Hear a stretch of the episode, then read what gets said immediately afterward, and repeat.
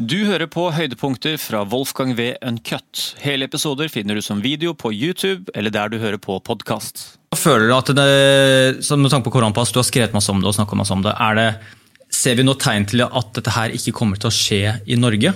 Um, jeg, jeg, vet ikke. Jeg har vært skeptisk til koronapass. Um, jeg tror jeg skrev min første kronikk i, om koronapass jeg tror nesten et år siden. Eller sånn type i mars i fjor. Ja, ja.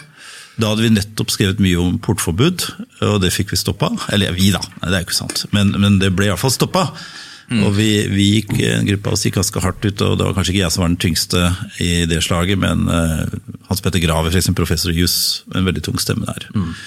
Han påpekte at koronapasset er for land som ikke stoler på befolkningen sin.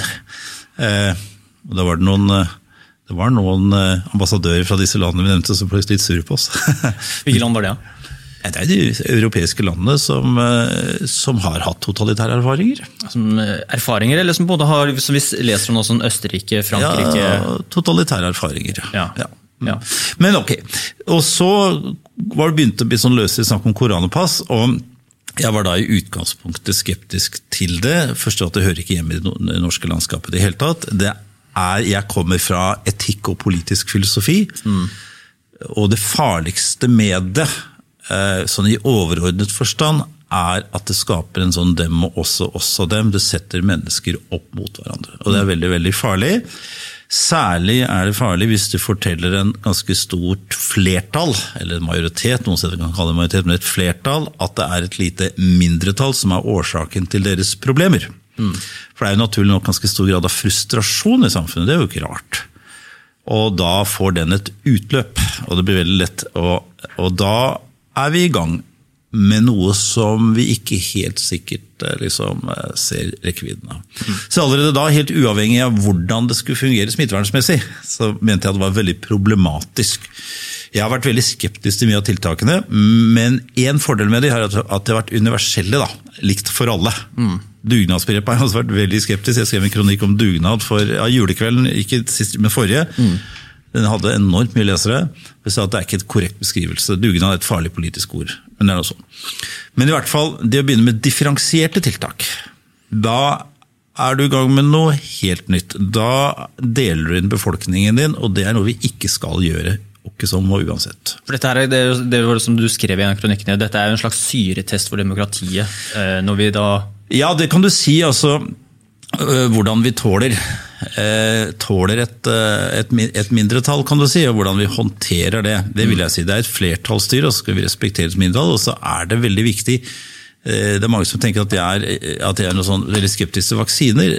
Nei, det handler ikke om det i det hele tatt. Jeg er helt enig med FHI. Det bør være Eh, frihet knytta til det. Det er, det er, fritt valg, det er et tilbud. Mm. Så uh, eh, fins det grunner for og imot. Altså, det vil være personlige ting. og Når FHI anbefaler folk å ta vaksine, er jeg ikke nødvendigvis skeptisk til det engang. Men det er den inndelinga av befolkningen som er farlig. Det ville jeg sagt vært farlig selv om det hadde en smittevernsmessig funksjon. Mm. Nå er det ganske klart at det nok ikke har det. Altså, og det er ikke mine ord. Eh, professor i mikrobiologi Ørjan Olsvik, som er i fall en av de mer fremtredende eh, smittevernseksperter i Norge, avviser vaksinepass kategorisk som et verktøy for smittevern. Problemet er at vaksinerte bærer like mye smitte som de som er ikke-vaksinerte.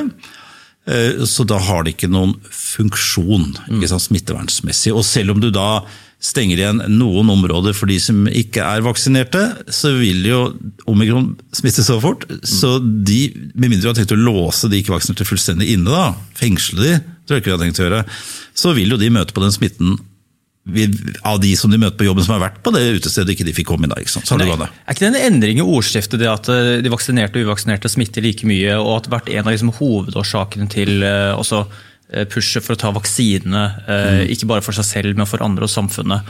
Jeg, om, jeg kan ikke huske liksom at det her var noe å snakke om det her for tre-fire-fem måneder siden. og da var jo eh, skal vi si at da var det jo, Hvis man sa det på den tiden der, mm. eller påsto det, eller bare mm. luftet ideen, så kunne du risikere nesten bli kansellert.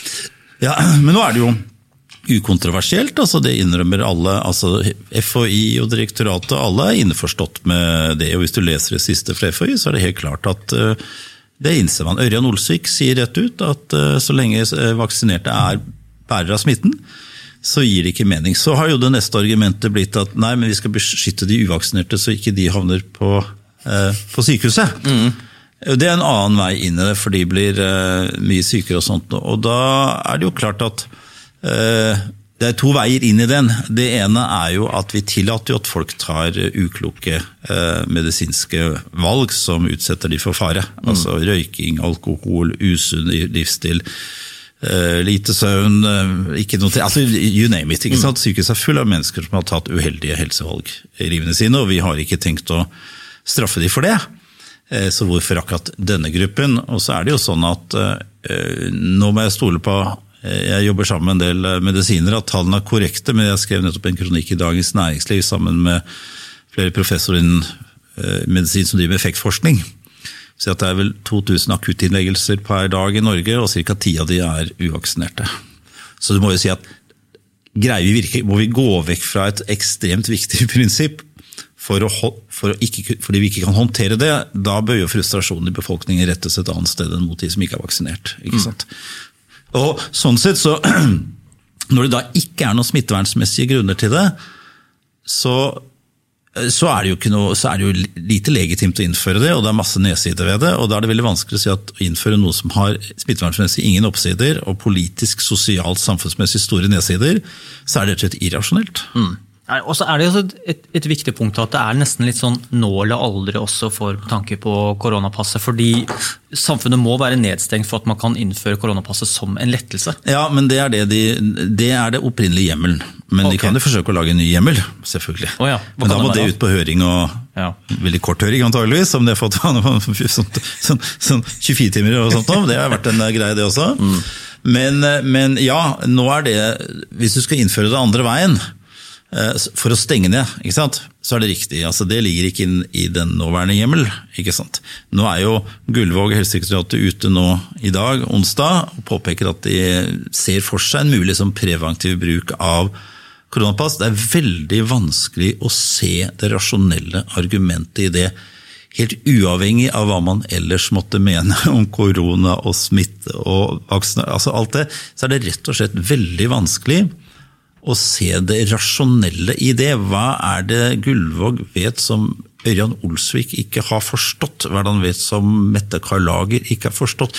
Hva er det han vet politisk som Magne Lerøe, som i dag går ut og sier at det er et kult, kulturelt forfall?